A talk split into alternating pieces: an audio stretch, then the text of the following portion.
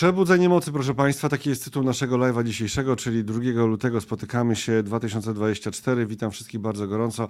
Robert Stanilewicz się nazywam, analizą online. Rafa Bogusławski. Dzień dobry. E, Z nami oczywiście nasz dyżurny komentator. Wszystkiego najlepszego z okazji Dnia Mokradeł. Życzę. Dzisiaj jest Światowy Dzień Mokradeł. Nie wiem, Rafale, czy... Pa... A, już Ciebie informowałem. Mówiłeś. Obiecywałem Rafałowi przed sekundą, że Jożin, będzie bez... Jożin z Barzin. Barzin się kojarzy, tak. Nie, nie. Dzień, Światowy Dzień, Mokra, e, Dzień Mokradeł pod, e, pod hasłem e, Mokradła i dobrostan człowieka, więc pozdrawiamy wszystkie mokradła w kraju, także tam, gdzie jest dno i metr mułu też pozdrawiamy. Dzisiaj będzie bez sucharów, e, proszę Państwa. Będą same konkrety już za moment, ale pierwszy konkret, zanim przejdziemy do e, czołówki, do naszego intro, e, to jeszcze zobaczcie coś takiego. Mamy do Was bardzo ważne pytanie i bardzo prosimy o głosy bo od tych głosów zależy, czy w ogóle taka inicjatywa się pojawi. To był post na YouTubie i w, na YouTubie. Wybaczcie Facebookowicze. Spró- Spróbujemy też na Facebooku jakoś to zagospodarować i, i, i włożyć. Mamy takie pytanie. Przy, czy przyjdziesz na spotkanie z Rafałem Bogusławskim stacjonarnie, bez transmisji mm, online, taki tak, meetup?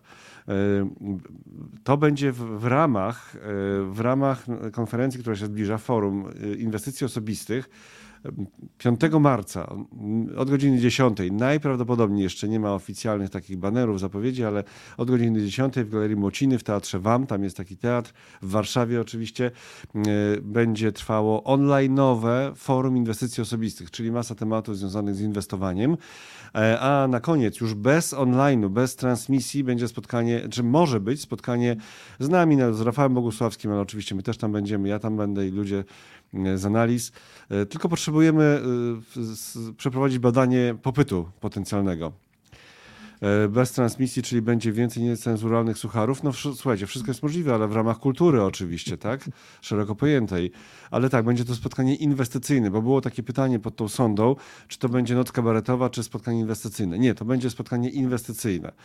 E, Więc będzie można podejść, e, uszczypnąć Rafała w ramię, sprawdzić, czy jest prawdziwy Ała. na przykład, tak? Ała, nie, tylko nie w szczepionkę oczywiście. Może spotkanie we Wrocławiu. E, No, słuchajcie, to piszcie też, to kwestia popytu. Jeżeli by było, to kto wie, co, co by się wydarzyło w przyszłości. Jak kanał się kiedyś rozrośnie, to może rzeczywiście coś takiego będziemy w stanie zrobić. Na razie jest pytanie o Warszawę. Czy na takie spotkanie w Warszawie e, e, przyjdziecie? Na razie, e, na razie najwięcej głosów jest nie, bo nie w moim mieście. Na, to, na tą odpowiedź jest najwięcej głosów. Na te 123 głosy 63% osób mówi nie, bo nie w moim mieście. E, Na razie mamy tylko 9% tych, którzy głosując piszą tak, przyjdę, więc na razie e, nie jest to taka e, liczba, która by no, nas skłaniała do tego, żeby takie spotkanie zorganizować, powiem wprost. To zależy wszystko od tego, czy będą chętni. 49 zł kosztowałby bilet. To są kwestie kosztów tylko organizacyjnych, no bo to jednak sala, miejsce i tak dalej to kosztuje. To słuchajcie, to tyle. Widzicie, powinniście widzieć ten post gdzieś tam na swoim, na swoich powiadomieniach. E, Wrocław czy Trójmiasto bardzo chętnie kiedyś w przyszłości, jak rzeczywiście tam się zbierze jakaś grupa chętnych, to pewnie w, ram, w miarę rozwoju e, kanału będą takie możliwości. Na razie pytamy o Warszawę. I teraz startujemy i będzie o przebudzeniu mocy na giełdzie w Warszawie, czyli e, dlaczego giełda w Warszawie jest tak, tak w tych ostatnich dniach taka mocna, mimo że główne rynki tak zwane bazowe no, dostały pewnego jakiegoś tam kuksańca, tak? E, Jerome Powell nie nakarmił gołębie, nawet widziałem takie memy, że, że gołębie zostały, gołębiom zostały ucięte łebki. Brutalne, nie będziemy tego pokazywać, absolutnie. No dobrze, to startujemy, Rafał, tam zwieraj, zabie- z, nabieraj powietrza i już startujemy i będziesz mówił tylko ty.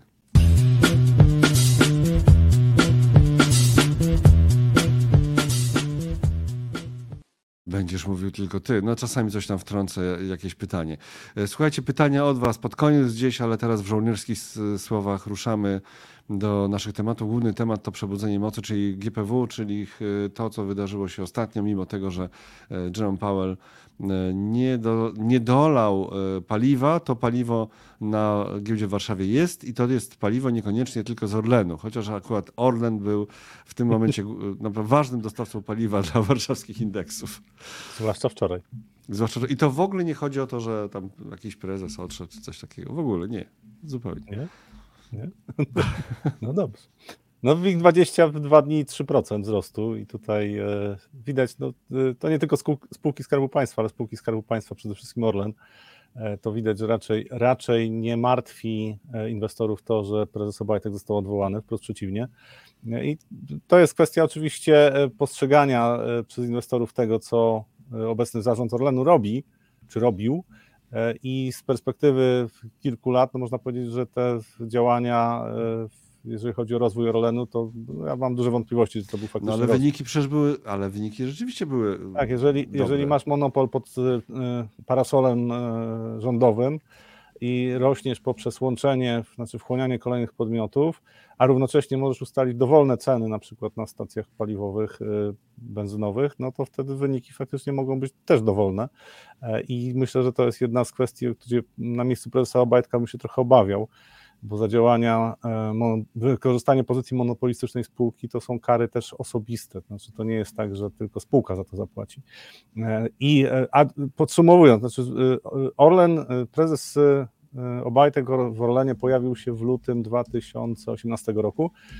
Wtedy jedna akcja Orlenu kosztowała 80 zł, wczoraj kosztowała 65 ale ciekawsze jest to, jak porównamy, jaka była kapitalizacja Orlenu wtedy, jaka jest dzisiaj, Jaka była wtedy kapitalizacja tych spółek, które wchłonął Orlen, czyli Energii, e, Lotosu i e, PGNiG-u? No i okazuje się, że y, kapitalizacja Orlenu po wchłonięciu tych spółek nie wzrosła w porównaniu oczywiście z kapitalizacją wszystkich tych trzech spółek. Znaczy jesteśmy na tych samych poziomach praktycznie. Tam niewielkie, znaczy niewielkie odchylenia, więc e, ten rozwój no, wątpliwy z mojej perspektywy, natomiast ewidentnie wczoraj to jest nie tylko Orlen, bo tam wcześniej PGE. Ale nie gadaj, stacje wyglądają fajnie to, że coś wygląda fajnie, to nie znaczy, że to no. jest poukładane biznesowo, tak? No, stacje są dodatkiem, jeżeli chodzi o biznes Orlenu. Natomiast y, y, patrząc na to, jak się zachowuje rynek w ostatnim czasie, no to y, w ostatnich dniach, no to ewidentnie tutaj impuls był taki, że no w końcu zaczęły się zmiany w zarządach spółek Skarbu Państwa. Orlen, PG, mm, to są te, te spółki, które, które mocno zareagowały. Jest jeszcze taka spółka PKP Cargo, która jak pan Karnowski został odwołany. Karnowski, dobrze pamiętam, w 2015 mm. roku. Aha, kosztowała ponad, ponad 60 zł, teraz kosztuje 15 zł, czy nawet mniej.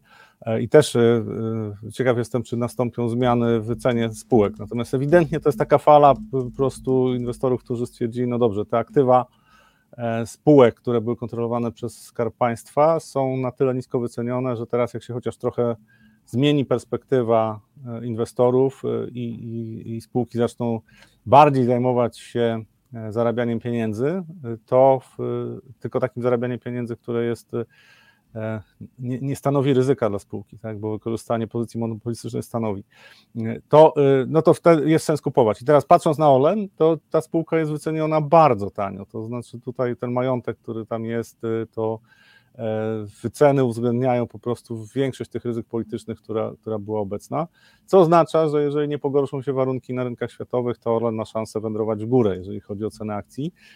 I to jest e, coś, co myślę, że w najbliższym czasie będzie grane. Znaczy tu też e, to, co mówiłem o polskim rynku, że według mnie to jeszcze nie jest koniec Hossy i, i, i Nawigu też, tak, że to, to, to to co, y, to, co może sprzyjać rynkowi, to właśnie też y, niskie wyceny chociażby Orlenu, tak, czy spółek energetycznych, też one nie są wycenione jakoś bardzo wysoko. E, tam są oczywiście różne ryzyka dotyczące tego, jak to będzie kształtowana polityka cenowa przez URE, ale y, wracając, ostatnie dwa dni ewidentnie napływ kapitału, Orlen wczoraj dostał bardzo duży zastrzyk e, gotówki. Pytanie, jak długo ten impuls będzie trwał. Na razie przede wszystkim przedwczoraj było widać, że e, polski rynek zachował się całkowicie odrębnie. To znaczy europejskie rynki zachowały się dość słabo. To jeszcze słuchaj, bo nie padło to, bo, bo, bo, może ktoś akurat nie śledzi tak na bieżąco. Orlen wczoraj urósł o 4,61%. Tak, 4,6%. To jest, to jest naprawdę... A, a WIG ponad 1%, a prawie, prawie 2% było w, przedwczoraj, czyli WIG 20, tak, czyli z, dwa, z dwóch dni 3% wzrost. No i e, widać, że sentyment w ogóle do, do polskich aktywów jest niezły. E, pomimo tego, że Fed e, no trochę e, Powell postraszył, tak? stwierdził, że obniżka stóp nie jest prawdopodobna, jeżeli mówimy o marcu, że muszą poczekać, żeby więcej danych napłynęło pozytywnych, to jak popatrzymy na, na to, co się działo na ryzykownych aktywach, to w zasadzie taka niewielka reakcja była w środę, mm, w środę wieczorem, jak była konferencja Powella, jeszcze w czwartek na początku dnia, ale e, wczorajszy, e, wczorajszy dzień to już było bardzo optymistycznie. Złoty też się umocnił, umocnił się nie tylko do dolara, ale również do euro jesteśmy na poziomie 4,31, czyli jesteśmy na tych poziomach, na których byliśmy w grudniu. No i e, pytanie, czy ten sentyment do, polskiego, do polskich aktywów może się utrzymywać. Jeżeli nie będzie mm, w najbliższym czasie jakiejś większej wyprzedaży na rynkach akcji w Stanach Zjednoczonych czy, czy na innych rynkach, no to pewnie ten sentyment może się utrzymać. Natomiast to, co się w tej chwili dzieje w Stanach Zjednoczonych, to e, według mnie jest e, o tyle ostrzegawczy sygnał, że po prostu rośnie zmienność. Znaczy, biorąc poprawkę na to, że E, zamieszanie wywołał Powell, to mimo wszystko no, rynki są skłonne do tego, żeby reagować nerwowo i teraz bardzo ciekawe będzie na, następny tydzień, co, co po tych mm, przeciąganiu liny, tak, albo, albo wybijaniu drobnych inwestorów, którzy byli po niewłaściwej stronie rynku przy szybkich ruchach rynkowych, e, co będzie w przyszłym tygodniu, czy, czy rynek będzie kontynuował wzrosty, czy w Stanach Zjednoczonych, czy nie. No, I to według mnie będzie się przykładało też na siłę WIG-u e, i WIG-u 20, bo ten impuls związany z E, odwoływaniem zarządów, tak, czy zmianą zarządów w spółkach Skarbu Państwa, no to on nie będzie trwał wiecznie. To znaczy, to, to teraz się pojawiła, pojawiła ta informacja, więc jest to grane, natomiast w perspektywie pewnie następnych dwóch, trzech tygodni to już nie będzie miało aż takiego wpływu. To znaczy, te spółki będą e, bardziej zachowywały się zgodnie z tym, jakie są tendencje na rynkach światowych polski rynek nie jest aż tak silnym rynkiem, żeby mógł się oprzeć na przykład dekoniunkturze na rynkach światowych. Ale to jest bardzo ciekawe. No. Jeszcze nie wyczerpaliśmy tematu Orlenu poprzez porównanie ze spółkami paliwowymi ze świata, prawda? Bo tutaj warto byłoby jeszcze e, dodać taki element y, porównawczo. To, to, to teraz y, Chevron na przykład, a za chwilę Exxon tak, wrzucę e, tutaj na wykres. To jeżeli chodzi o zmiany kursów, to wczoraj to tam e, w, chyba tylko ja Shell trochę mocniej wzrósł, natomiast bardziej wzrosty były. W tym sensie bardziej długofalowo, znaczy średnio terminowo jakoś. No właśnie, tu mamy, tu mamy proszę Państwa e, Chevron. No, ale to też jest ostatni rok, tak? Jakby Chevron popatrzeć trochę w dłuższej perspektywie, żeby zobaczyć, co tam się działo w E, od 2020 roku, to wtedy też e, trochę mamy inną perspektywę, bo ten ostatni rok, to e, patrząc na rynek miedzi, miedzi ropy, to tam no, w zasadzie jest ten boczny lekko spadkowy nawet, więc akcje tych spółek paliwowych, one też zachowały się no, niezbyt spektakularnie. Znaczy, one miały dużo lepszy czas w 2021 roku. No, tutaj, e, tutaj widać, że mhm. tak, 2019 Chevron no tak, był w okolicach 100 dolarów. Spółki, które mają duży upstream, tak, wydobycie. Da, upstream mhm. czy downstream? Ojej, pomyliłem się. E... No, wybaczcie, dziura w głowie. Zgadza się, natomiast mają to też większe, te... bazują na własnym wydobyciu i tutaj ta cena bieżąca ropy chyba, nie wiem, jakoś tam inaczej się liczy, tak?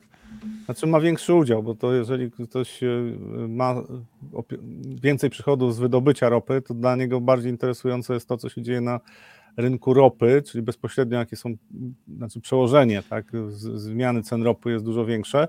Natomiast to, co interesuje Orlen, to przede wszystkim są marże E, rafineryjne i petrochemiczne.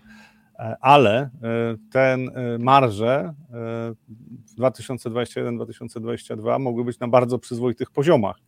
Nawet gdyby Orlen nie, mm, nie wykorzystywał swojej pozycji monopolistycznej, to co się działo na, na rynkach europejskich, tak czy amerykańskich, no to większość tych, spół, tych rafinerii miała całkiem, całkiem niezłe marże, i to też znajduje odzwierciedlenie, bo Chevron e, czy Exxon to są, to są ogromne koncerny e, e, petrochemiczne i zyskują i na wzrostach cen ropy, ale też zyskują na wysokich marżach, które są do uzyskania.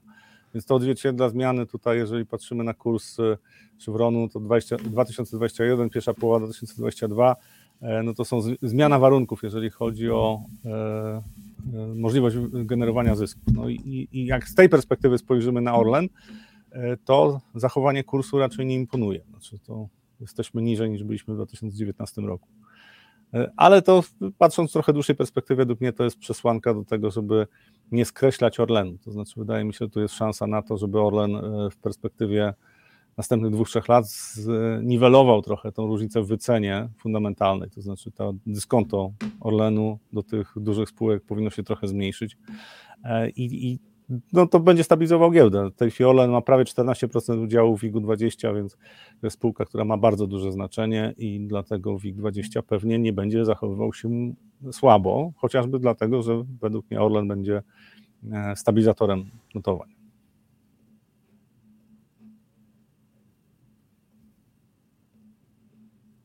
Robercie, jesteś? Robert się zatrzymał na chwilę. Tak, tak, już jestem, już jestem. E, powiedz mi, co z tego wynika, jeżeli chodzi o porównanie z Orlenem, bo to, to jest kluczowe, tak? Czy, czy to porównywanie Orlenu ze spółkami globalnymi ma sens, czy nie ma sensu?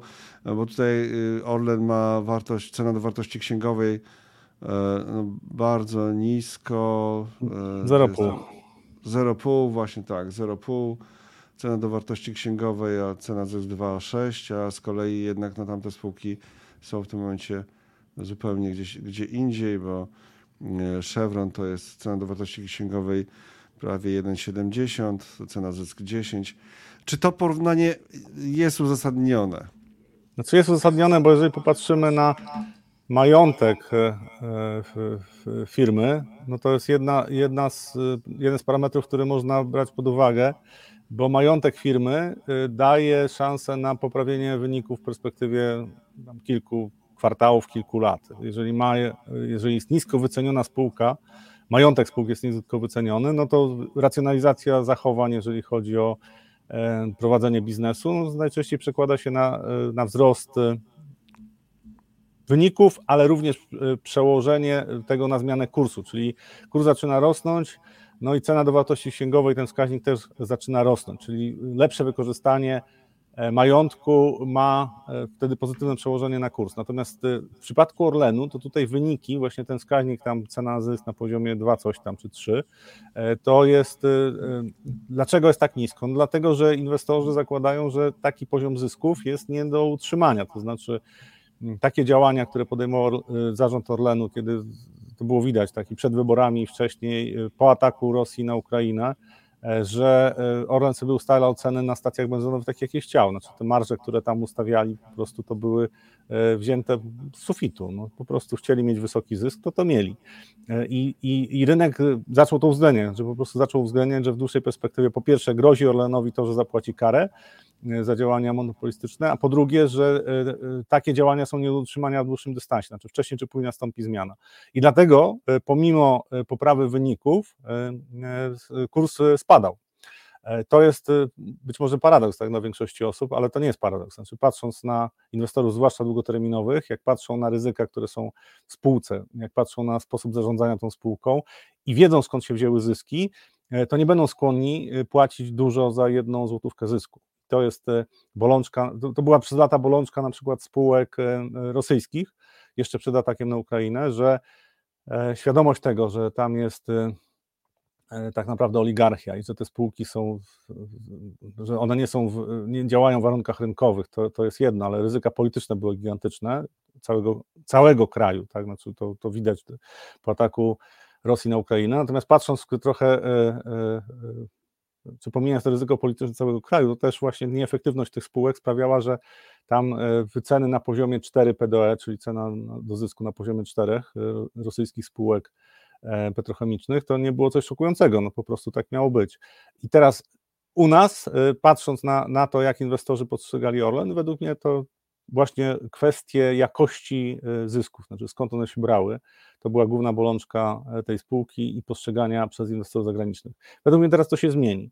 E, to nie oznacza, że od razu tak, kurs spółki wzrośnie, ale mm, myślę, że inwestorzy będą stopniowo właśnie zmierzali w stronę e, podniesienia wyceny Orlenu, chociażby jeżeli chodzi o te miary majątkowe, czyli, czyli wyceny na niskim poziomie majątku Orlenu dają szansę na to, że Orlen będzie zachowywał się relatywnie lepiej niż na przykład te duże spółki jak chociażby Exxon czy Chevron. E, gdzie są jeszcze, gdzie były jeszcze problemy, które widzieli inwestorzy, bo y, taka spółka jak Orlen przez inwestorów zagranicznych jest prześwietlona dokładnie i to, co tam zarząd sobie wypisuje, jakie sukcesy odnosi, to może sobie pisać, natomiast ci, którzy inwestują duże pieniądze, wiedzą dokładnie, co się dzieje w spółce, więc jeżeli popatrzymy na, na to, co się działo w spółce, to tutaj pięknym przykładem na to, że nie działo się tam e, za dobrze, to jest ta inwestycja Orlenu w Płocku, czyli Olefiny 3 e, i, i sposób, w jaki Mm, jaki to było prowadzone. To znaczy, najpierw były zapowiedzi, że, że ta spółka, znaczy, że ta inwestycja to będzie tam poniżej 13 miliardów złotych i zostanie zakończona już produkcyjnie w 2025 roku, czyli w 2024 część inwestycyjna, budowlana się kończy, w 2025 rusza ta inwestycja. I w czerwcu ubiegłego roku spółka powiedziała, że koszt tej inwestycji będzie 25 miliardów złotych i ruszy w 2027 roku. E, a równocześnie sama spółka powiedziała, że e, dodatkowa bidda, czyli zysk operacyjny plus e, amortyzacja, to będzie dodatkowy miliard złotych. Czyli jeżeli mamy 25 miliardów, musimy zainwestować, żeby uzyskać miliard EBITDA, zakładam, że przynajmniej 200 milionów z tego to będzie amortyzacja, ale powiedzmy dobrze, miliard EBITDA, to oznacza, że to mamy 4%, 4% stopę zwrotu, tak? Równocześnie z amortyzacją majątku, czyli generalnie wartość majątku na koniec jakiegoś okresu inwestycyjnego najczęściej przyjmuje 10, 15 albo 20 lat, przyjmuje 10 lat, na koniec 10, za 10 lat e, e, ten majątek będzie wart mniej niż jest w tej chwili. E, to jeżeli mamy taką inwestycję i stopa zwrotu wynosi 4%, tak, milion z 25, miliard z 25 miliardów, to może lepiej mm, kupić obligacje Skarbu Państwa i mieć 5% rocznie. E, natomiast sposób prowadzenia tej inwestycji e, pokazuje, że jeżeli chodzi o działania operacyjne, tam są bardzo duże zastrzeżenia do tego, jak, jak sprawny był ten zarząd. I teraz to wszystko było wyceniane przez rynek. Podobnie jest spółkami w Polsce spółkami energetycznymi, podobnie było z PGNiG, też inwestorzy zdają sobie sprawę z tego, że jeżeli chodzi o zarządzanie tymi spółkami, to nie jest kwestia tylko na ostatnich 8 lat. No, PGNiG to jest kwestia ostatnich 20 lat co najmniej E, że jeżeli chodzi o zarządzanie e, takimi spółkami e, kontrolowanymi przez Skarb Państwa, to tam jest bardzo dużo do zrobienia na plus, jeżeli chodzi o efektywność. I teraz jak chociaż trochę zmieni się sentyment do, do tych spółek Skarbu Państwa, to myślę, że mogą spokojnie, Orlen może spokojnie zacząć rosnąć. A nasza giełda, tutaj nawet biorąc pod uwagę to, że być może ten wzrost gospodarczy nie będzie w najbliższym czasie, ostatnie dane się pojawiły o PKB za cały ubiegły rok, rozczarowujące, bo wzrost tylko 0,2, zaraz do tego czwarty kwadrat był słabszy, to nawet jeżeli ten wzrost nie będzie bardzo silny, to uważam, że przy tych wycenach, które mamy, to polska giełda jeszcze spokojnie może kontynuować hossę z tych poziomów. My nie jesteśmy jakoś bardzo przewartościowani, jeżeli patrzę na WIG. E, no właśnie, to jest WIG, e, ładnie sobie tam poczyna ostatnimi czasy, e, całość, ta, ta główna grupa spółek. E, to teraz do tego, do tego, o czym wspomniałeś, czyli do stanu polskiej gospodarki według danych, e, czyli mamy PMI dla przemysłu w Polsce spadł do 47,1 z 47,4. PMI to, czyli wskaźnik tak zwany wyprzedzający, jeden z wskaźników wyprzedzających według e, wielu ekonomistów najważniejszych. Mówię według wielu, bo są też sceptycy, że to tak różnie działa. Jednak mimo wszystko wskaźnik polegający na ankietach przeprowadzanych wśród menedżerów logistyki. W firmach oni wiedzą najlepiej, co się tam dzieje, e, oparty niby, no, mówi się nastrojów, ale oparty na jakichś tam konkretnych pytaniach dotyczących tego, co się w firmach dzieje. No i tyle. No i on jest e, słabszy. Ale bywały, rozja- ale bywały rozjazdy, bo on jest słabszy, jest słabszy, jest słabszy i słaby jest od dawna. Poniżej 50 to jest e, kurczenie się, czyli jak miesiąc jest poniżej 50, to było gorzej niż w poprzednim miesiącu, czyli ciągle jakby było gorzej, a mimo wszystko, wiesz, no przez... Żyjemy, istniejemy, gospodarka funkcjonuje. Znaczy polska gospodarka funkcjonuje, a to w ogóle te wskaźniki PMI czy ASM w Stanach Zjednoczonych, one przestały y, odzwierciedlać, y, y, coraz mniej odzwierciedlają sytuację giełdową, bo e, w Niemczech wskaźnik PMI dla przemysłu jest na jeszcze niższych poziomach niż w Polsce i to już jest od wielu, wielu, wielu miesięcy, a DAX e, pnie się w górę i ma się bardzo dobrze. Tak, no to pytanie, kto ma rację? No, z wycen, które były też w Niemczech, no to ten wzrost mm, można znaleźć uzasadnienie po prostu, że, rynek zostaje przeszacowany w górę, jeżeli chodzi o wyceny. E, natomiast w, w, Polsce, też jeżeli popatrzymy na to, co się działo wcześniej, w ogóle przez całą poprzednią dekadę, e, to polski rynek był cały czas, mm, pogłębiał dyskonto w stosunku do innych porównywalnych rynków. To znaczy, ze względu na, na to, co się działo w polityce, przede wszystkim 2011 to był taki początek problemów polskiego rynku, po prostu demontaż OFE E, I największym problemem, według mnie, to nie było przeniesienie aktywów z mm, obligacyjnych, tak, do, znaczy Pieniądze tak zostały zapisane na, na rachunku y, w ZUS-ie, natomiast generalnie obligacje zniknęły z portfeli OFE, ale większym problemem było to, że w 2011 roku została zmniejszona składka przekazywana z ZUS-u do OFE. I to był początek problemów naszej giełdy. Tak jak popatrzymy, jak y, y, wyceny pospadały, no to my relatywnie cały czas traciliśmy. Potem był 2015 wybory parlamentarne, okazało się, że można traktować spółki notowane na giełdzie z większością udziałem Skarbu Państwa jak e, dojne krowy i to jest e, i sektor bankowy, tak, ale również no Orlen tak samo. To, to są spółki, które mm, z corporate governance, e, jeżeli chodzi o Orlen, to dużo nie miały wspólnego. Znaczy podejście rządu było takie, że to jest w zasadzie ich, więc można to wykorzystać. I, i te przecen, ta przecena relatywna była kontynuowana. Tak? My z takiej premii tam kilkunastoprocentowej, no 15-20%, myśmy zeszli do dyskonta 15% do rynków porównywalnych, a teraz sentyment powinien się poprawiać, bo jeżeli e, inwestorzy zauważają, że rynek już jest w trendzie wzrostowym przez dłuższy czas i, i wtedy zaczynają się interesować, bo widzą tak w ubiegłym roku bardzo dobre wyniki polskiej giełdy, e, widzą, że wyniki spółek też e, nie będą złe, no to zaczynają się interesować takim rynkiem. Ja mam nadzieję, że ta szansa zostanie przez polski rynek wykorzystana i po prostu hossa będzie kontynuowana.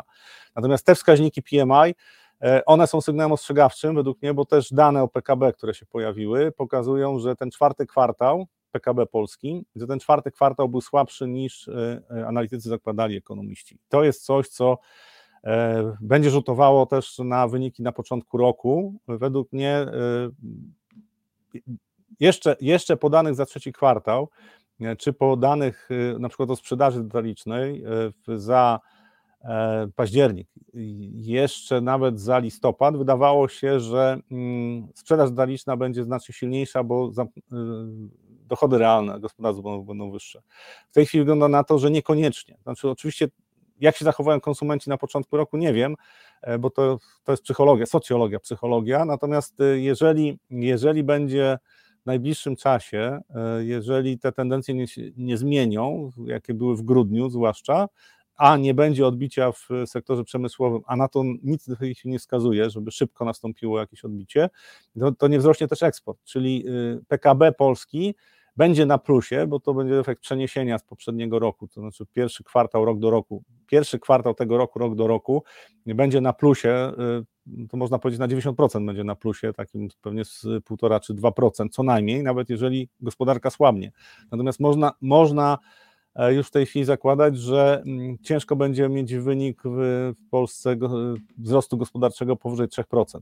To, to jest coś, co przy tych tendencjach może być trudne. Ale to nie zmienia faktu, że my nie mamy recesji, że y, po, polska gospodarka sobie jakoś radzi, e, a te wskaźniki PMI dla przemysłu, no, nie wiem, chyba trzeba coraz mniej na nie patrzeć po prostu, bo nie sprawdzają się. Znaczy nie, nie, w żaden sposób nie prognozują tendencji na, na rynkach akcyjnych. Momencik, momencik, proszę Państwa. Dobrze, czyli mamy, e, już rozprawiliśmy się w pewnym sensie, oczywiście przenośnym z polską gospodarką i z tymi danymi ostatnimi. Już tak. po gospodarce. Już po gospodarce. Czyli teraz możemy ruszyć w świat. E, wasze pytania będą pod koniec, dobrze? Umówmy się tak, że większość waszych pytań, bo e, kilka bardzo ciekawych stwierdzeń dotyczących Orlenu chociażby, ale to wrócimy do tego za moment. Mm, to teraz, e, co byśmy teraz zrobili? To w takim razie e, Bank Anglii, bo już do Fedu nie będziemy wracać, bo wszyscy wiedzą, kto się tym interesuje. Jak to, może, interesuje, to może jak już byliśmy w Stanach, to jeszcze na chwilę w Stan, Ach, do Stanów jednak, byśmy no wskoczyli. Dobrze. E, ale na spółki high-techowe, big techy, bo trzy spółki wczoraj pokazały wyniki po, właśnie, po sesji. Właśnie, tak. Mhm. I, I to jest sześć, sześć spółek z Magnificent Seven pokazało. Nvidia dopiero, Nvidia dopiero w, pod koniec lutego pokaże wyniki, ale te sześć spółek pokazało i wczoraj pokazały Amazon, Apple e, i Meta. i Meta i Amazon zaskoczyły na plus, w ogóle tam euforia jest w notowaniach poza w handlu elektronicznym. E, jedna spółka rosła powyżej 12%, druga powyżej 7%, natomiast rozczarował Apple, chociaż nie rozczarował wynikami, rozczarował sprzedażą w Chinach i obawami o to, że ten rynek chiński będzie e, kulą u nogi, to znaczy może y, nie, nie to, że oni nie będą tam mieli sprzedaży, tylko dynamika tam nie będzie y, odpowiednio duża i Apple tracił, jak patrzyłem, 3%, więc tutaj mamy 2 e, do 1 dla byków. Wcześniej mieliśmy Microsoft, który był neutralny, tak, to był wtorek, znaczy te wyniki zostały odebrane bardzo e, neutralnie. E, wcześniej był Alphabet, który został odebrany mm, raczej negatywnie, ale tam też nie było jakiejś gigantycznej paniki, tak? Znaczy generalnie były obawy o to, że tam przychody z reklam są za, za niskie. No i Tesla, która przestraszyła ze względu na to, że sprzedaż, zwłaszcza sprzedaż samochodów e, elektrycznych, tak, to, to jest coś, co dynamika okazała się zbyt mała, ale prognozy też wzrostu dynamiki sprzedaży były zbyt małe i Tesla e, ponad 10% straciła po następnej sesji, tak, po publikacji tych danych. Ja mówię o historii, czyli to, to, to w, ostatnich, w ostatnich dniach w, to był początek, końcówka ubiegłego tygodnia i teraz ten tydzień, te sześć największych spółek pokazało wyniki, więc generalnie lekka przewaga byków. Natomiast patrząc na to, co może się dziać w najbliższym czasie, to wygląda na to, że Meta e, i Amazon to są dwie spółki, które będą chyba korzystały w dużym stopniu na rewolucji związanej z sztuczną inteligencją i to chyba ma już miejsce. To znaczy w ogóle jest e, te duże spółki, tutaj było pytanie od jednego z widzów, że jak kupować te spółki technologiczne w Stanach, jak są tak wysoko wycenione, ale właśnie te największe spółki, właśnie Amazon, Alphabet, Apple będzie miał problemy. Moim zdaniem to ja tą spółkę analizowałem wcześniej. To, e, zaraz, to, to, które? Bo coś mi się pomieszało. Amazon. Meta, te... Meta Amazon, e, prawdopodobnie Alphabet też sobie poradzi, Microsoft Aha. E, na 90% też sobie poradzi, Tesla i mm, Apple. i Apple będą miały według mnie problemy, to znaczy nie będą w stanie utrzymać dynamiki. Przy tych wycenach, które mają, to może być problem, znaczy rzuto, będzie rzutowało na, na zachowanie tych spółek, ale pozostałe Y, pokazują bardzo dobre wyniki i te wysokie wyceny w tej chwili nie przeszkadzają do dalszych wzrostów. No pytanie, jak długo tak te spółki mogą utrzymać te wyniki? W ogóle w Stanach Zjednoczonych, jak patrzymy na to, co się dzieje w ostatnich dniach, wczoraj między innymi, e, banki regionalne, tam już niektóre banki pokazują wyniki i tam jest źle, to znaczy niektóre banki regionalne spadają po 10, nawet więcej procent. Wczoraj indeks ETF, e który inwestuje w takie e, w te banki regionalne, spadł ponad 2,5% czy 3%. I mamy w ogóle dwa światy, to znaczy są te firmy technologiczne, nie tylko big tech, ale jest grupa spółek też technologicznych, która pokazuje bardzo dobre wyniki i jest grupa spółek, to duża grupa spółek, zwłaszcza E, dotyczy to małych i średnich spółek amerykańskich, e, które ma poważne problemy. To znaczy, tam już jest odciśnięte piętno e, tych podniesionych stóp procentowych i też tego, że koniunktura nie jest aż tak dobra jak w gospodarce, jakby to pokazywały te wskaźniki takie globalne. Znaczy, następuje przesunięcie i to, to trwa, że zwycięzca bierze wszystko, czyli najwięksi stają się jeszcze więksi. Według mnie to doprowadzi do sytuacji, w której my będziemy, e, ten udział tych największych spółek będzie tak absurdalny, że dzisiaj wydaje się, że to jest niemożliwe. To jest jesteśmy około 27% tak, do kapitalizacji e, SP500, to jest te, te 7 największych spółek, 27 mniej więcej. Ja zakładam, że to będzie 35 albo nawet więcej. Znaczy okaże się, że po prostu ta dysproporcja pomiędzy możliwościami y, radzenia sobie w zmiennym środowisku i wykorzystywania takich szans, jakie daje na przykład sztuczna inteligencja, doprowadzi do totalnego przewartościowania. Natomiast zgadzam się absolutnie, że te spółki są drogie. E, I to jest dylemat, czy y, inwestować w te spółki, y, ryzykując, że za chwilę pojawi się korekta, bo e, tam też działają takie, takie czynniki jak mechanika rynku związana na przykład z rynkiem opcji jak y, y, market makerzy, czyli ci, którzy, którzy wystawiają opcje, jak zarządzają swoim ryzykiem, bo część popytu na takich silnych trendach wzrostowych bierze się właśnie od nich. To technicznie to, znaczy to musiałbym trochę dłużej to wyjaśnić, natomiast generalnie jest, dopóki te spółki rosną, e, to popyt jest dodatkowo generowany przez market makerów, którzy zabezpieczają pozycje na opcjach. Tak? I ten handel tam kwitnie. Znaczy to, to w przeciwieństwie do polskiego rynku, to handel opcjami w Stanach Zjednoczonych to jest e, w zasadzie oddzielny rynek, znaczy wielkość tego rynku jest gigantyczna. E, I to są takie rzeczy, które same się napędzają, znaczy jak rynek rośnie to jest dobrze, ale jak zaczyna spadać to w pewnym momencie może być bardzo głębokie wstrząśnięcie, bardzo głęboka korekta, taka czysto techniczna. Po prostu zabraknie popytu, a ci market makerzy będą musieli wyjść ze swoich pozycji, będą musieli sprzedać te akcje, bo oni nie mogą utrzymywać E, pozycji. Oni w zasadzie muszą mieć neutralne pozycje, zarabiają tylko na spreadach e, i, e, i to jest główna strategia, która pozwala im przetrwać takie różne zawirowania. Ale rynek, jeżeli bardzo długo porusza się w trendzie wzrostowym i jest wyciągnięty, to ma tendencję do tego, że po, pojawia się silny ruch korekcyjny, który na przykład jest wywołany przez jakąś głupotę, to znaczy jakiś pretekst się zawsze znajdzie. I pytanie jest podstawowe takie, czy Nasdaq, to jest Nasdaq kompozytowy. Czy teraz po prostu zamknąć oczy, kupić i stwierdzić, no dobrze, przynajmniej jeszcze 20% w górę, e, rynek pójdzie, te big techy mm, prawdopodobnie też, bo po tych danych, które pokazała Meta czy Amazon, to myślę, że tutaj optymizm będzie dość e, wysoki, też jeżeli chodzi o Nvidia, jeżeli chodzi o wyniki Nvidia. E, przez pryzmat chociażby sztucznej inteligencji, tak, że po prostu jeżeli te spółki jak Meta, e, Amazon radzą sobie, to Nvidia będzie dostarczała procesory i po prostu tutaj ten, ten segment sztucznej inteligencji będzie się bardzo fajnie rozwijał. Czy kupować, czy po, poczekać? Nie znam odpowiedzi na to pytanie. Znaczy, według mnie rynek jest bardzo mocno wyciągnięty w, w górę.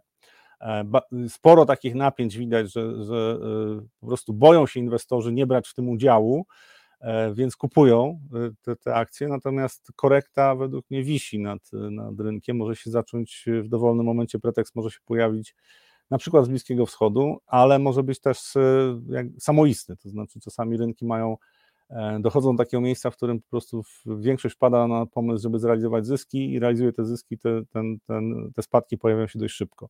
Ja zakładam, że hossa jeszcze trochę potrwa w Stanach Zjednoczonych, przynajmniej jeszcze rok.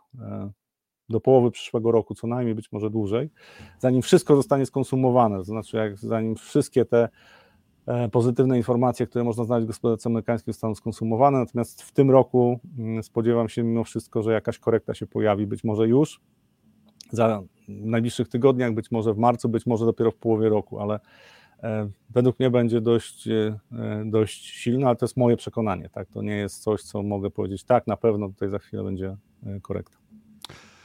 Proszę Państwa, to teraz w związku z tym Nasdaqiem e, sięgniemy do komentarzy. Mówiłem, że na końcu będą pytania i komentarze, ale teraz e, coś, co e, Rafał już wyeksploatował, ale teraz określimy to jeszcze tutaj Waszą rozmową na Topczacie, z YouTube'a na Topczacie. Pozdrawiamy wszystkich Facebookowiczów, na przykład Adama na Facebooku, czy, czy doktora Szuma, który jest też, trzyma się Facebooka, w porządku, ok. Tylko, mm, o tak, momencik, momencik. Już.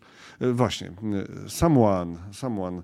E, panowie, jak tu uszczknąć coś z tej hossy na spółkach tech, skoro są tak potwornie drogie? Nie ma siły, by ciągle dowoziły wyniki, a kupować, gdy wyceny są kosmiczne, strach. I ciąg dalszy, odpowiedź od Zacharego do someone. Fenomen rynku kapitałowego. Jeśli jest coś drogie, może być droższe. Wartość, którą widzimy, odnosimy zawsze do ceny chleba. Taka ludzka natura. E, Samuan, e, dziękuję Zacharemu. Ja inwestuję tylko indeksowo, nie mam czasu wgryzać się w spółki. Kusi wejście w Nasdaq, ale jest piekielnie drogo. Jeszcze momencik, Rafał, jeszcze do tego. E, na świecie jest chyba od Zacharego teraz, na świecie jest chyba 20 bilionów, nie amerykańska liczba, dolarów, które szukają swojej mariny, to te pieniądze będą decydować. Samuan, ja też inwestuję, NCWK do Samuana albo do Samuanki. Ja też inwestuję indeksowo i na poziomie S&P 500 4400 wydawało mi się bardzo drogo, a teraz żałuję, że za mało wszedłem e, wtedy. E, no i ta, a i tutaj jeszcze od Samuan, e, Ametę chciałem kupować jak było po 100 dolców, przegrałem życie. Oj, oj. Ameta teraz jest po 394, tak. Prawie no, 395. Tak. Mhm. I tutaj, tutaj no, nam... taki wątek. Mhm. E, to też jest, znaczy patrząc oczywiście decyzje w momencie, w takiej sytuacji, kiedy jesteśmy po długiej fazie wzrostu, a to nie jest kwestia też tego roku, tak, jeżeli chodzi o wzrost poprzedniego roku, tylko te y, mm, spółki, te największe, no to one są w trendach wzrostowych od 2009 roku, większość z tych spółek. Y, I to jest coś, co mm, no, zgadzam się, kiedyś ten, ten się skończy, natomiast ja o tym, że rynek amerykański jest za drogi, to słyszałem od 2012 roku. No, 2012-2013 cały czas było za drogo w Stanach Zjednoczonych, e, no tylko wtedy poziomy wycen były odrobinę niższe, tak, 1 trzecia tych obecnych wycen mniej więcej i, e, e, i rynek szedł w górę. Oczywiście tam wyceny, tam wyceny, patrząc teraz z perspektywy czasu, były znacznie niższe wskaźnikowe. Natomiast e, tutaj Zachary powiedział o tym, że to, co rośnie, może rosnąć dalej i te duże, wysokie wyceny tych największych spółek wcale nie oznaczają, że hossa ma się za chwilę skończyć. Znaczy tu ja widzę te tendencje, które, które dominują gospodarce amerykańskiej, ci najwięksi gracze potrafią wykorzystać mm, swoją pozycję. To znaczy, ja uważam, że tam y, e, Urząd Antymonopolowy powinien znacznie mocniej ingerować w ich działania, ale nie ingeruje. E, potrafię sobie wyobrazić mhm. dlaczego, bo y, ta pozycja monopolistyczna sprawia, że oni mają uprzywilejowaną sytuację w stosunku do innych graczy. I te największe firmy to naprawdę to jest to jest państwo w państwie. Znaczy te, te, te, te największe firmy, one po prostu na, trochę na innych warunkach działają. I dopóki nie ma jakiejś dużej, po pierwsze, jeżeli nie ma załamania w gospodarce, a po drugie, nie ma jakiejś dużej krucjaty ze strony rządu, który chciałby e, poćwiartować te firmy, tak brzydko mówiąc, czyli zmniejszyć ich możliwości funkcjonowania w takim modelu, jakim w tej chwili są, to te, to te spółki mogą rosnąć przez najbliższe jeszcze 2, 3, 4 lata spokojnie. E, później będzie kwestia oczywiście rozmiarów tych firm, bo za, chwilę firmy, które mają po 3 biliony kapitalizacji albo koło 3 bilionów, tak jak Microsoft czy Apple, e, to jak będą rosły w tempie 20% rocznie, no to za 20 lat zabraknie gospodarki światowej do tego, gdzie one mają zarabiać pieniądze. Ale to jest przyszłość. Natomiast jeszcze przez jakiś czas spokojnie te spółki mogą, mogą rosnąć. E, mhm. Czy jest drogo? Jest. Natomiast te największe spółki dają też gwarancję tego, że one mają na przykład Apple ma dobrą sytuację, jeżeli chodzi o cash flow. Natomiast py pytanie, tak, z drugiej strony mamy Russell 2000 i mamy spółki, które są dużo taniej wycenione, niektóre nawet bardzo tanio, tylko mają duże problemy. Ja teraz patrzę, y, y, nie omówiłem o tym tak, ale patrzę na raporty, które napływają z banków regionalnych i wygląda, że tam sytuacja jest fatalna. Czy nie wszystkie banki, ale są banki, które naprawdę stoją na krawędzi. E, tam jest wspomaganie ze strony Fedu agendy, tak, która, która zajmuje się wspomaganiem sektora e, bankowego. Tam jest ponad 160, już w tej chwili prawie 170 miliardów zaangażowane w sektor bankowy. E, banki regionalne korzystają z tego, natomiast jeżeli e, te banki będą dalej miały takie problemy, jak tej chwili widać to w raportach, które pokazują się za czwarty kwartał, to kolejne przejęcia związane z tym, że te banki mają problemy, są nieuniknione. Pytanie, czy rynki się nie przestraszą wtedy ogólnie, tak? bo w marcu ubiegłego roku rynki się przestraszyły ogólnie, bo okazało się, że sektor banków regionalnych e, ma problemy, ale to dotknęło praktycznie wszystkich rynków, tak? znaczy również mhm. spółki technologiczne. Więc e, tam się dzieje dużo, w gospodarce i jest e, poszczególne branże to tak jakby były zupełnie inne prędkości e, poruszaniu się tych, tych branż i zupełnie inne problemy, zupełnie inne wyzwania. Są jeszcze pytania o Nasdaq, na przykład czy to realizacja zysków plus podwójny szczyt w zasięgu, Jerome też nie pomaga, czy raczej pachnie korektą, ale mam propozycję, może zostawmy sobie te analizy na poniedziałek, dobrze? Jeszcze, bo Mamy jeszcze kilka tematów, a tak będzie też po co przychodzić w poniedziałek. Zawsze jest po co przychodzić, to się włączać. E, też oczywiście pytanie, czy na mniejszych spółkach hosta się zaczęła, e, tak podglądam raz w 2000, no to tak generalnie za kilkuletnim okresie to taka dżdżownica, choć trochę ten łepek się ostatnio wysunął do góry. Zamykamy temat. Zamykamy temat Nasdaqa, zamykamy temat amerykańskiego rynku. Przepraszam, e, w poniedziałek do tego wrócimy, dobrze? Do tego porównania z innymi mniejszymi spółkami generalnie, tak? Czy hosta jest szeroki, nie, czy to podwyższyt się rysuje, czy nie. E, tak? Dobrze, Rafał? Możemy? Tak? Tak, mhm. tak jak najbardziej. A tu tylko doktor Szum pisze, podwójny szczyt jest aktualny, ale tylko do momentu, gdy go miniemy w pędzie. tak, dokładnie. No, ciekawe, ciekawe. Czuję FOMO, też jeszcze od doktora Szuma, czuję FOMO. Fear of missing out. I to teraz ta Wielka Brytania, którą już przywoływałem, e, czyli te inne tematy, jeszcze na koniec, tak w podskokach niezbyt długo, ok? Dobra. Dobra, dobra. Wczoraj tak. posiedzenie Banku Anglii, pan Bailey powiedział prawie to, co powiedział Powell, że oni potrzebują przekonania, silniejszego przekonania, że inflacja jest pod kontrolą. Bardzo ciekawe są prognozy inflacji, które ma Bank Anglii, bo tak jak dla Polski, dla e, Stanów Zjednoczonych, dla większości rynków europejskich, te prognozy na pierwszy kwartał są optymistyczne. Znaczy, pierwszy kwartał tego roku jeszcze są spadki inflacji. Natomiast e, Bank Anglii prognozuje, że już e, końcówka tego roku i przyszły rok to inflacja jest ponownie powyżej celu inflacyjnego, zdecydowanie. Teraz Bank Anglii mówi, że nie chcą chłodzić gospodarki, znaczy nie chcą obniżyć stóp, żeby podgrzać gospodarkę, bo za chwilę właśnie będą, i to jest coś, o, o czym ja często na live wspominam, czyli efekty drugiej rundy.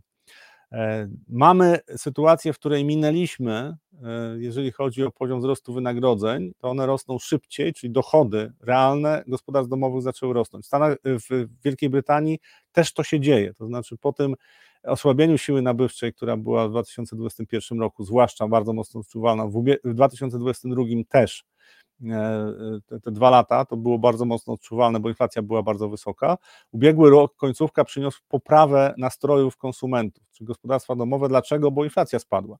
Natomiast y, w związku z tym, że mm, wiele rzeczy w gospodarce jest przesuniętych w fazie, to, to dopiero teraz zobaczymy, jak zareagują firmy i czy y, mm, będą podwyżki cen y, w gospodarce, których spodziewa się e, Bank Anglii, właśnie ze względu na to, że konsument odżyje.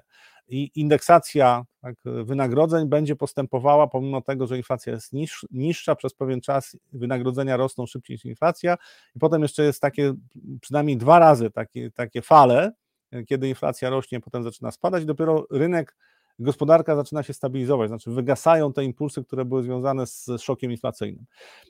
I Bank Anglii Wczoraj zapowiedział, że bardzo się tego obawia, że jest jeszcze za wcześnie, żeby mm, obniżać stopy procentowe, bo być może będzie e, problem właśnie z tą wtórną falą inflacji i że będzie potem problem ze zduszeniem inflacji. Oni prognozują, że do końca przyszłego roku, nawet 2026, jeszcze inflacja będzie powyżej celu e, inflacyjnego.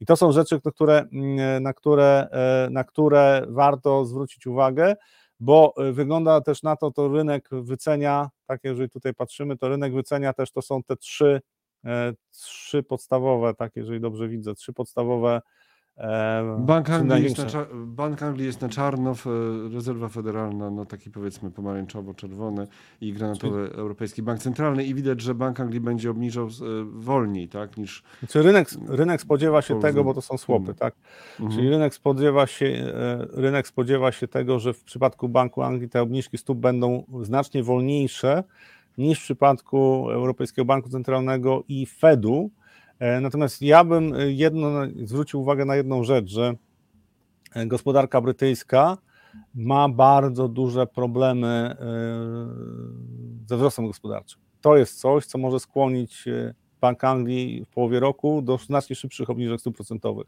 Na razie te informacje, które się pojawiły po posiedzeniu Banku Anglii wczoraj, to było też może nie od razu, ale z pewnym opóźnieniem, jak analitycy sobie tam przy, sprawdzili, co to oznacza, y, to y, spowodowało umocnienie funta do dolara. No, niezbyt gwałtowne, ale jednak jest pewne umocnienie.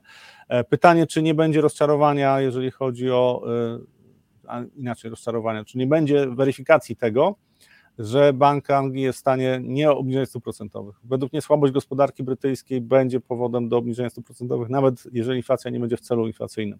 To jest coś, co, e, e, co według mnie będzie miało dużo większe znaczenie dla Wielkiej Brytanii niż dla Stanów Zjednoczonych. W Stanach Zjednoczonych to osłabienie gospodarki może być znacznie mniejsze niż w, e, w Wielkiej Brytanii.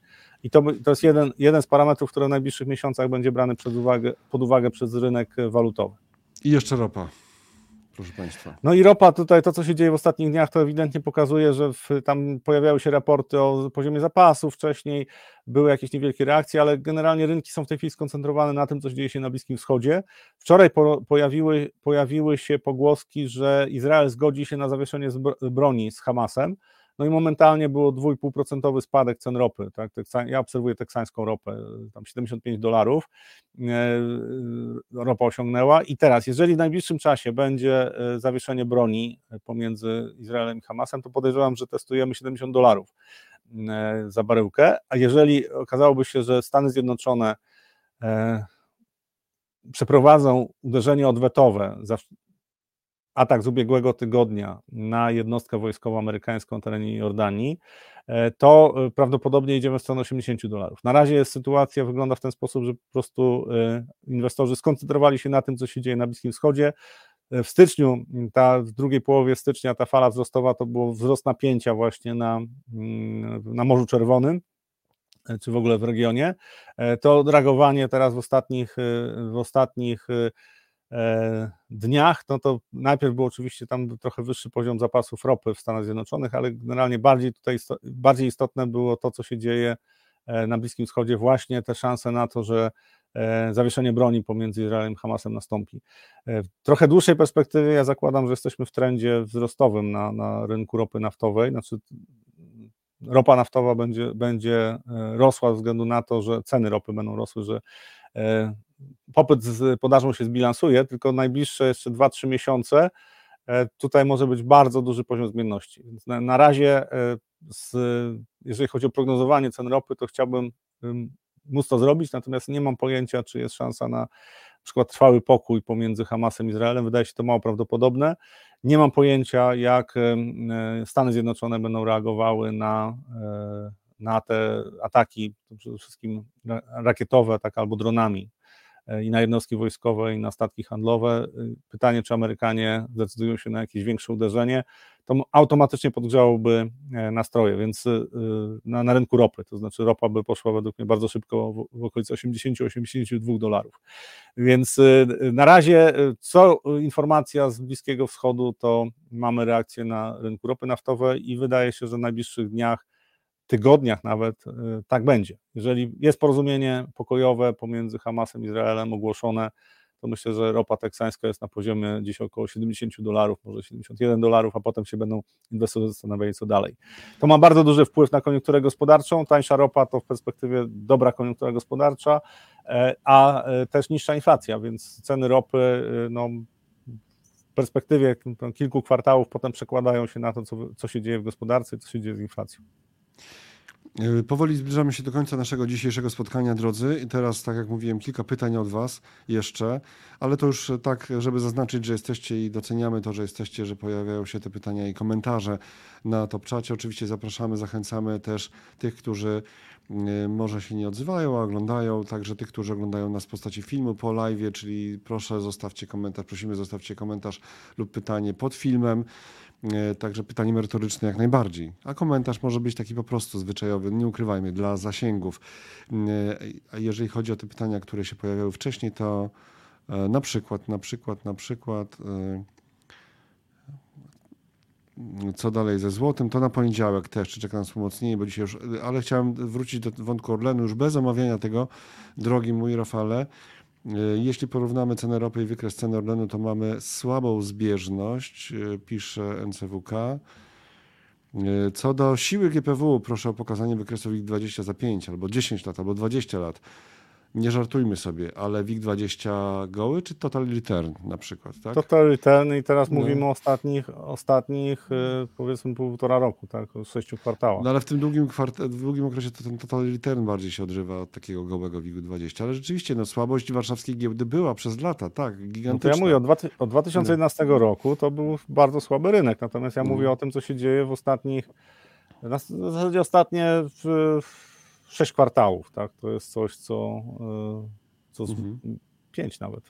Bo to, to coś, co zmieni, zmieniła się perspektywa, jeżeli chodzi o polski rynek z, z, punktu widzenia inwestorów zagranicznych. Inaczej patrzą na polski rynek i według mnie będą inaczej patrzyli. Natomiast poprzednia, poprzednia dekada była bardzo słaba, no i to, to się zgadza. Chociaż WIG 20 Total Return nie wygląda tak źle jak WIG20. WIG20 po prostu tam były mhm. bardzo wysokie dywidendy wypłacane i dlatego ten indeks był skorygowany. Tak? Mhm. E, Grzegorz pisze WIG20 powyżej 101 milionów obrotu, rzadko tak osiągał w czasie naszej audycji. E, czyli tak, czyli wysoko. No jest zainteresowanie, jak widać, polskim Aha. rynkiem. Hmm. Momencik, momencik. E, aha, czy Czyli rynki energii już nie wyceniają globalnej recesji, NCWK piszał. Znaczy rynki, rynki e, e, paliw, tak? Znaczy, mhm. jeżeli mówimy o ropie naftowej, to tą recesję to w zasadzie wyceniały przez większość ubiegłego roku z takimi impulsami, kiedy rósł optymizm co do Chin. Natomiast jak popatrzymy na E, na zachowanie cen ropy, to tam jakiegoś, jakiejś wielkiej hossy nie było. To znaczy cały czas było obawy, że jednak gospodarka amerykańska i europejska spowolnią. Potem były jeszcze obawy o to, że gospodarka chińska nie rozwija się tak szybko, jak powinna, więc rynki od dłuższego czasu tak naprawdę wyceniają tą recesję, więc nawet jakby ta recesja przyszła taka niezbyt głęboka, e, to nie sądzę, żeby tutaj były bardzo duże spadki na, na ropie, bo jakby rynek cały czas jest przygotowany do tego, że tam jest źle, znaczy jeżeli chodzi o popyt i podaż. I E, też oczywiście tutaj widzę komentarz, tak, że e, e, Paweł K. komentuje, że ropa jest trupem, choćby nie wiem, jak pan Rafał nie lubił elektryków. To zobaczymy za parę lat. Mhm. Znaczy ja uważam, że elektryki osiągną powiedzmy 20% udział w świecie samochodów i, i, to będzie koniec i wrócimy do hybryd albo będzie jakieś inne paliwo. A popyt na ropę będzie wzrastał nie, przede wszystkim ze względu na to, że kraje rozwijające się będą zwiększały zapotrzebowanie na ropę i to się będzie działo i to po prostu tego się nie da zatrzymać e, e, decyzjami krajów rozwiniętych, znaczy nie będą w stanie zablokować tego, bo te kraje będą chciały się rozwijać. E, więc ja uważam, że ropa będzie zaskakująco, będzie zaskakującym surowcem, bo pomimo tego, że większość zakłada, że maksymalny popyt na ropę już jest blisko, znaczy to do osiągnięcia tego popytu, jest blisko przed nami, to ja tylko zwrócę uwagę, że ten maksymalny poziom popytu na ropę, zużycia ropy dziennie, miał być, nigdy miał nie przekroczyć 100 milionów baryłek. Jesteśmy na tym poziomie około 100 milionów baryłek w tej chwili e, i większość prognoz w tej chwili mówi, że przy takich przeciętnych scenariuszach to pomiędzy 105 a 112 milionów baryłek e, dziennie to będzie szczyt jeżeli chodzi o y, zapotrzebowanie na ropę i dopiero potem zacznie to spadać. Zobaczymy. No, znaczy, jest spory, spory poziom niepewności, jeżeli chodzi o ten, e, o ten mm, surowiec, natomiast ja uważam, że ropa jeszcze da zarobić. Na koniec zaproszenie, jedno z dwóch zaproszeń, fundusze obligacji, co wybrać, co wybrać, to będzie w środę godzinie 12, kup fundusz live, zapraszamy. W imieniu Grzegorza Raupuka, szefa Platformy Inwestycyjnej kupfundusz.pl, no i w moim E, bo z moim skromnym udziałem odbędzie się to spotkanie. Na żywo można zadawać pytania, fundusze obligacji, co wybrać. To jest jedna kwestia. Link w komentarzach jest i na Facebooku, i na YouTubie. E, a teraz jeszcze wracam do zaproszenia do udziału w ankiecie, którą, e, o której już mówiłem na początku. Powinniście już ją widzieć w swoich powiadomieniach jakiś czas temu, tak? A no, wczoraj została powieszona. Na razie mamy, no właśnie, nie przybyło głosów od wczoraj, to może teraz e, coś się ruszy po naszym apelu. Zachęcamy do tego, żeby zagłosować. A temat jest taki, proszę Państwa. Pytamy, czy warto, e, czy, czy, kto, czy przyjdziecie, potrzebujemy grupy osób, E, które zadeklarują się, że przyjdą na spotkanie z Rafałem Bogusławskim, no i nie tylko z Rafałem Bogusławskim, na żywo, stacjonarnie. 5 e, marca e, analizy online organizują Forum Inwestycji Osobistych po raz kolejny. To część z Was pewnie pamięta taką imprezę. To jest impreza online, bezpłatna, Forum Inwestycji Osobistych. Będzie dużo tematów, dużo wielu ekspertów eksper i ekspertek mówiących o inwestowaniu na różne sposoby. Zapraszamy 15, 5 marca, 5 marca. Zapraszamy online, bezpłatnie. Ale jeżeli ktoś może i chciałby spotkać się i wziąć udział w tej wersji hybrydowej, czyli na miejscu, stacjonarnie, to może być taka możliwość. Może być taka możliwość, ale czekamy na deklarację. Wtedy taka możliwość kosztuje 49 zł, no bo sala i tak dalej, to wszystko wiadomo, kosztuje. I w ramach tego będzie spotkanie z Rafałem, jego być może jakaś prezentacja. I to spotkanie nie będzie transmitowane. Nie będzie transmisji z te, tego spotkania, albo nie byłoby transmisji z tego spotkania, tylko byłoby to spotkanie tylko dla tych, którzy będą tam fizycznie na miejscu, w Galerii Młociny w Teatrze WAM 5 y, marca. Sama konferencja online zaczyna się o 10, a spotkanie z Rafałem byłoby około 16. Czyli zachęcamy teraz do głosowania. Y, jakie macie preferencje? Jeszcze spojrzę, tak. To ja, ja zachęcam, bo tam, nie... tak jak to sobie wyobrażam, to będzie jakaś taka część bardziej poważna i taka część e, bardziej z przymuszeniem gdzie możemy sobie porozmawiać po prostu, porozmawiać. Tak, e, nie, bo nie w moim mieście to na razie wygrywa 64% głosów, e, nie, bo nie w moim mieście. A warszawiacy, którzy nas oglądają, hello, no dobrze, czekamy na rozwój, będziemy was zamęczać tą ankietą, która jest na YouTubie. Czyli to, to, zachęcamy ludzi z Facebooka też, żeby przeszli tam na YouTube, albo może spróbujemy coś powiedzieć też na YouTubie. Było pytanie na samym początku, jeszcze przed startem było pytanie e, o e, Spotify. Ostatnie odcinki przestały trafiać na Spotify, czy jest opcja, że będą tam znowu regularnie. Taka opcja jest, ale na razie przez jakiś czas e, proszę, wybaczcie, zachęcamy do tego, żeby wejść tutaj na YouTube'a, żeby sobie też odsłuchiwać no najwygodniej oczywiście w opcji premium, bo wtedy można wyłączyć smartfon. Tak, tutaj taka, no niestety reklama.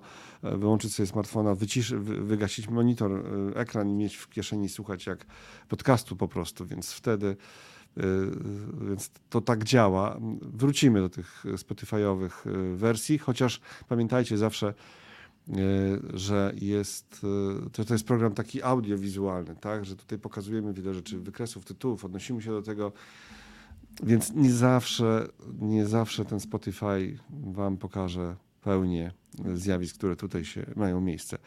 Z innej beczki. Dlaczego to spotkanie? Y, dlaczego to spotkanie? No a dlaczego nie? A dlaczego nie?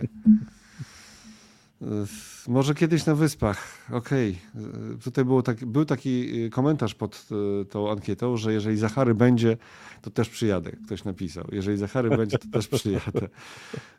Drodzy nasi, pięknie dziękujemy za to spotkanie dzisiejsze.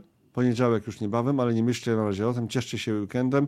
Aha, i pamiętajcie o mokradłach. Dzisiaj jest Światowy Dzień Mokradł i to już zupełnie bez żadnych żartów czyli cennego zjawiska w przyrodzie, bo wysuszanie, ktoś pisał, i wydobywanie torfu generuje gigantyczne emisje CO2 i poza tym są mokradła potrzebne ludzkości.